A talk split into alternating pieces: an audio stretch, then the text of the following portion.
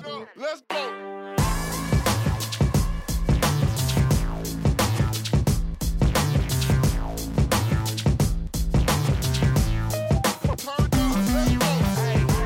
Já, komið sæl og velkomin í taktíkina. Þátturinn er með örlíti óhefnundu sniði að þessu sinni. Ragnhjóður Sara Sigmundsdóttir er nafnsið þar ekki að kynna fyrir neinum crossfit áhuga manni eða konu. Hún er yfirlegt að keppa á stærstu mótunum í heimi en hann mætt á Hrafnagil í Eyjafjörðsveit á hleðslumótið og við ætlum að heyra hljóði í henni setni í þættinum. Við heyrum einnig hljóðið í honum Unnari sem er einna með eigundum á CrossFit Akureyri og einn af mótshöldurum á hleðslumótinu. Við ætlum að byrja að heyri inn í Guðbjörgu sem er ung og efnilegur CrossFit ja, yfgandi og keppandi. Hún var að keppa á sínu fyrsta móti í útlöndum. Segjum bara Guðbjörg, hvenær byrjar þú í CrossFit? Um, ég myndi segja haustið 2015 þá ákveði ég að fara á grunnnámskeið í Krost Hamar og þá var bara ekki allt snúið.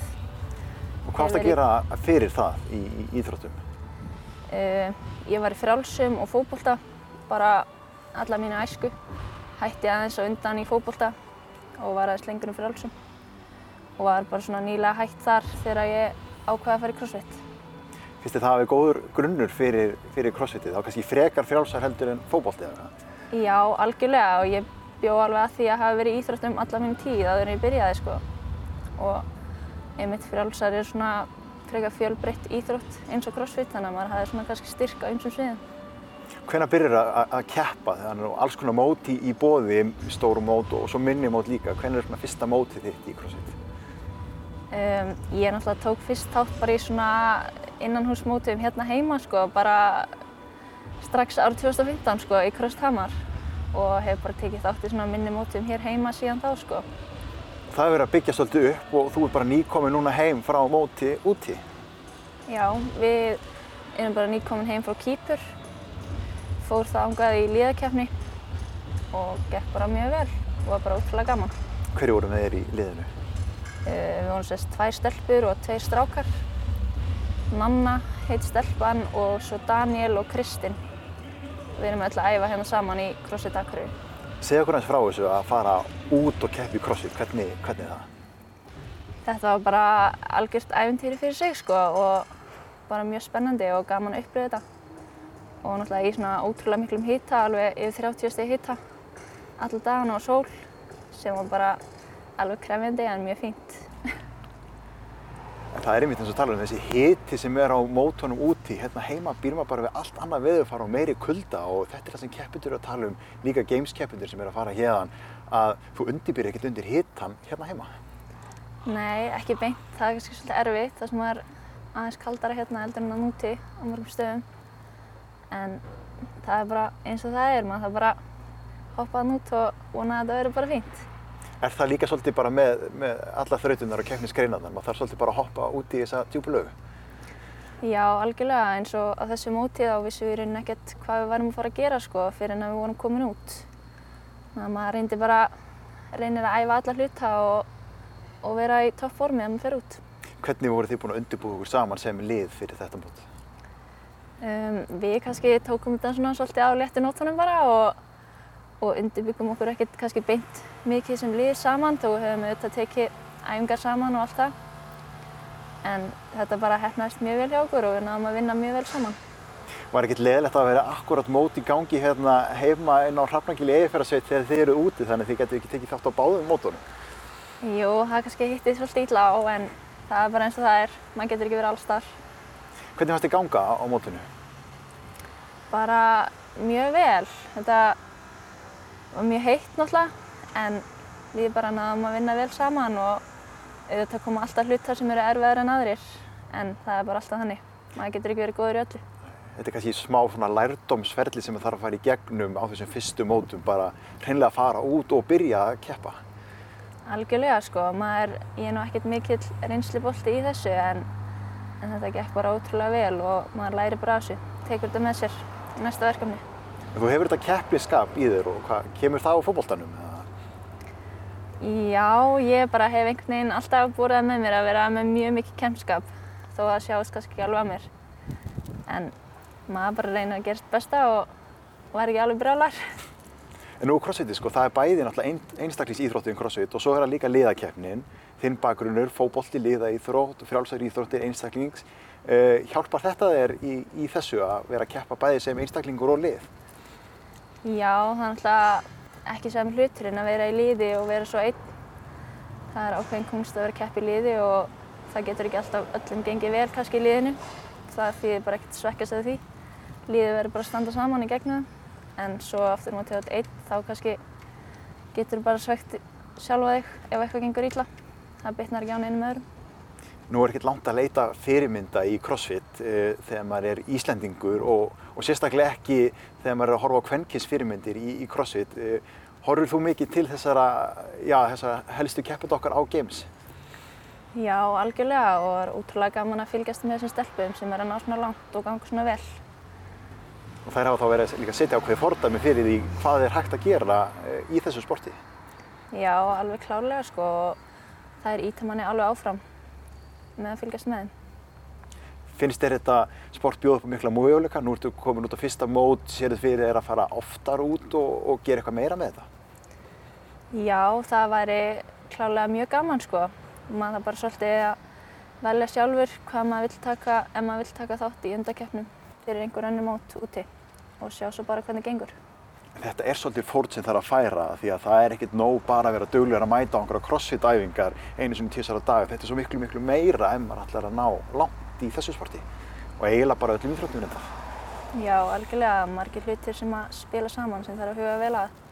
Það er mataræði og kvíld og, og svo ekki síst andlega hliðin. Ertu með þjálfara í þessu öllu saman eða gerur eitthvað þessu sjálf? Ég er bara rosalega duglega að sinna þessu sjálf og gera mitt besta í því og svo eru náttúrulega frábæri þjálfarar hérna, CrossFit Akureyri, sem að sjá um æfingar og annað. En þú byrði ekki á Akureyri akkurat núna, er það ekki rétt af mér? Nei, ég bý á Dalvík, keiri hingað á æfingar alltaf til Akureyri. Og finnst þið það, það ekkert mála að þurfa alltaf að keira þessa vegaling til þess að mæta á æfingu? Nei, ekki, ekki mjög sko. Margir er mjög hissa á því að ég nenni þessu keir alltaf inn á milli en ég er svona bara vöndi í frá, bjó, frá því ég bjóði sveitina á Greinivík líka. Þá keirði ég alltaf inn á Akureyri á frjálsöðudafingar. Þá er kannski eins gott fyrst maður er búinn að leggja á sig þetta ferðalega hinga að taka vel á því á æfingunni. Fyrst maður er að keira alltaf þessa leið. Já, algjörlega. Maður reynir bara að gera allt sitt besta á hverju æfingu. En nú er að koma crossfitstöðu á Dalvík. Já, það er bara að opna bara núna næstu dögum. En, en þú heldur áfram að skuttla stinga í CrossFit Akureyri? Já, það er klálega mjög gaman að fá aðstöðu heim á Dalvík sem maður er hægt að nýta. En ég mun líka alveg æfa áfram hérna á Akureyri. Nærða að nýta þennan tíma í eitthvað? Notar hann í einhverja hugarþjálfun eh, á leiðin í bílunum?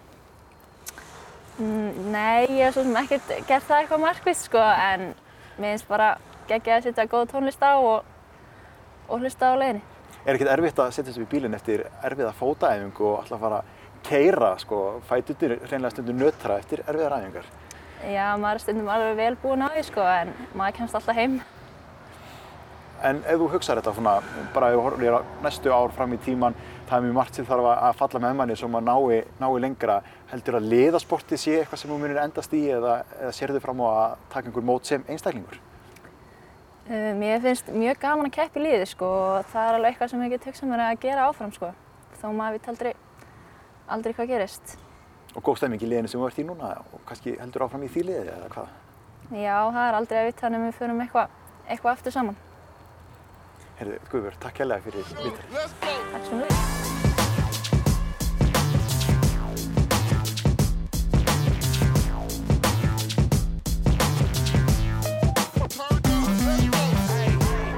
Gunnar, leðslumótið á Hrafnagili í Eyjafjörðarsveit, af hverju þessi staðsetning? Þetta er, bara, þetta er bara frábært hús, hendar okkur gríðilega vel. Við þurfum að hafa ákveðna tegund á gólfi til þess að geta mega hérna, að, droppa lóðum á þetta og annars líkt. Þannig að Hrafnagil hendar fullkomlega fallir, fallir í Eyjafjörðarsveitinni og það getur ekki verið betra sko. Hvað eru margi keppmyndur mættir hérna í dag? Við erum með 164 keppmyndur hérna í dag sem að gera þetta stærsta uh, hlæðslumóti til þessa þannig að það er búið að bara þetta stekkar með hverja árunu og, og bara meira gaman frábær, frá, frábær umgjör, frábæri þáttengundur, frábæri áhörundur og allt aðeinslegt geta allir tekið þátt í hlæslumóti? Já, það getur alveg allir kæft við erum með svona kalla skalaðan flokk þar sem að þingdinir eru, eru minni, eh, æfingarnir aðeins eh, einfaldari, þannig að já, það getur allir kæft í þessu. Þannig hérna erum við skalan allt frá áhuga fólki upp í keppundur á heimsleikunum í CrossFit. Já, við, við erum bara með þá sem að hafa raunverulega bara ný byrjað í, í, í þjálfun, hvort sem að heitir CrossFit eða hvað sem að heitir. Og náttúrulega svo erum við með Ragnhjóður Söru og, og, og Björgvin Karl, þriðja hraustasta mann í heimi, hérna sem, sem keppendur. Þannig að hérna, bæðir þetta stækka hvað fjölda yfkjöndu var og svo er þetta líka að laða til sín stærri nöfn líka. Þetta bil gerir það verkum að já, er ykkur önnur íþróttakræn sem getur búið upp á mót sem er með svona breytt af keppendum? Ég er ekki vissu um það. Ég, veist, það er það sem er kannski aðlegandi við CrossFit er að, að, að hversu þú, veist, þú getur gert sömu æfingu og, og þriðið hraustasti maður í heimi og, og einu, einu munin er að þú gera hugsalega aðeins hægar og, og ekki að mikla þyngt en gerir saman hlutin. Það er það sem er aðlegandi við þetta sport. Eru búin að sjá eitthvað óvænt gerast hérna í dag? Ég held að kannski skemmtilegu frétnir er að, að, að hérna, Ragnhjóður Sara ákvaða að vera með og keppa sem kall, kallkynnskeppandi með kalla þingdirnar. Það er auðvitað bara frábært og skemmtilegt og segir til, til kannski hvernig stemningir á þessu móti. Þetta er létt og þetta er gaman og alveg svo crossið það að vera. Og líka bara hver fjölbreytnin er að hún takir þátt í kallaklokkinu. Já, já, algjörlega. Þó svo það sé svona kannski bara grín en að þá, hérna, að, þá, þá er bara allt til í þessu sko. Finnst þér að finna það frá keppundum sem er að tala um þetta, það sé gaman að sjá fyrirmyndinda sínar, að sjá þessa keppundum sem er að keppa á hæsta levelinu, já, bara við hliðin á sér? Já, klálega, veist, bara um leið og að spurðist út að, að, að, hérna, að Björgvin og, og, og hérna, Ragnhjóð Sara er þessum sem keppundur hérna, þá bara sér maður það, stúkan fylltist og, og hérna, fleiri, fleiri sem að fylltist með eventunum í gegnum Facebook og annars líkt, þannig að við erum búin að vera með beina útsendingu hérna frá, á Facebooki líka, þannig að það er búin að Þetta er bara allt eins og þetta á að vera, top nice. Þetta er ekkert í fyrsta skipti sem að hlæslumótið er hér? Nei, þetta er fymta árið sem við höldum. Uh, hlæslumótið er á fymta held í ári. Þannig að hérna, við erum bara komið til að vera sko. Þið haldið áframið, það kannski hitt þetta stækka neitt rosalega mikið eða hvað? Sko já og nei, minna þetta er, þetta, hérna, við getum tekið við þessu fjölda og kannski eitthvað smáið viðbót en, en, en, en við fyrir að sprengja þetta fljóðlega. Hvað er að fara að gerast núna? Það eru úslitin uh, Já, næst. Já, nú erum við að fara að kynna síðustu æfinguna sem er búin að vera lindamál fyrir alla keppindur og hérna, hún er þannig að, að það eru bara fimm kallar og fimm konur, topp fimm, topp top fimm kallar og hvenna sem fá að gera þessa æfingu. Þannig að hún er búin að vera algjört lindamál þangað til núna. Þannig að Og maður sé það að áhörðaballandi, þeir eru búin að vera duglega að hvetja núna allt mótið þannig að nú verður allt vittlust. Já, nú er allt crazy maður, þetta er geggja, þetta, þetta er það sem er gaman við þetta. Og, og þetta gerir þetta áhörðavænt, veit þess að áhörðundu flestir sem að fylgjast með þessu sporti þekkja hans til íþrótunar, prófa þetta kannski. Og hérna vita hvernig keppendun líður. Og það er það sem að við getum samsána sér við hvernig keppendun líður líka sko. Skapatunar, ég ætla ekki að tefja það lengur, takk. Fyrir. Takk fyrir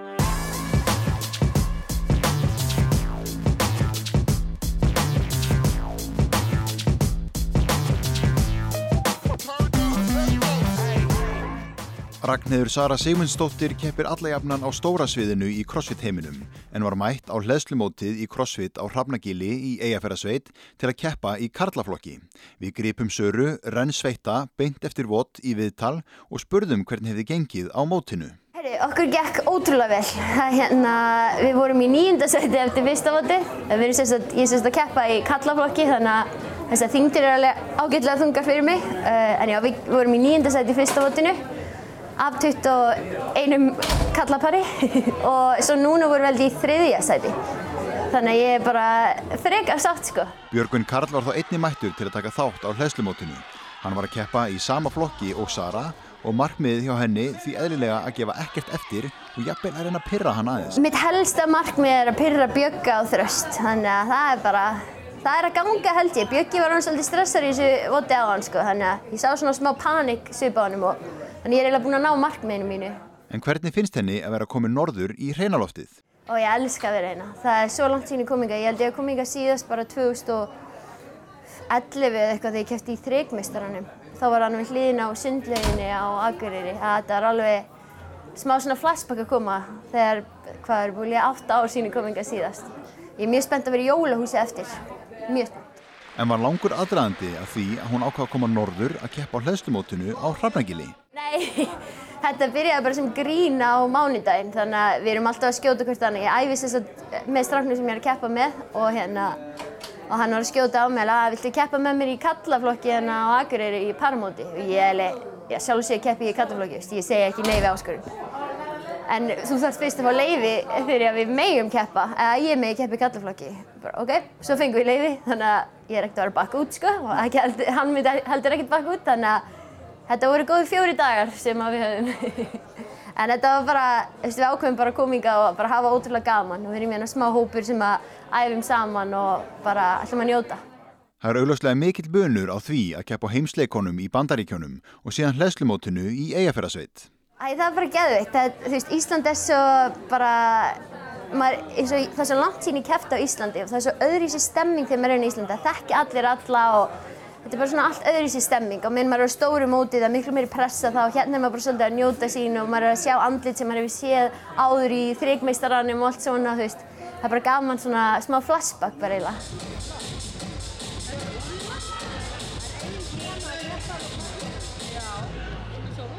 Sara er íþróttamæður sem hefur náð alla leið í sínu sporti og því fyrirmynd í augum margra. Með því að taka þátt á móti eins og hlæslumótinu nær hún tengingu við framtíðar keppendur. Já, og það er líka bara að Ísland sýnir alltaf svo ótrúlega mikið stuðning í íþróttumenninu sína og það er gott að geta gefið eitthvað tilbaka. Það er bara, líka bara krátið hérna, það er geðveikt. Ég var að klína hérna einhverju, ég var að reyna hann á 100 kílóm og þau byrja alltaf að klappa og maður fæ bara gæs og þetta er svo geðveikt. Og þú veist, þetta er ástand sem maður er að gera þetta. Það er til og vonandi sína fólki hvað hægt er að gera.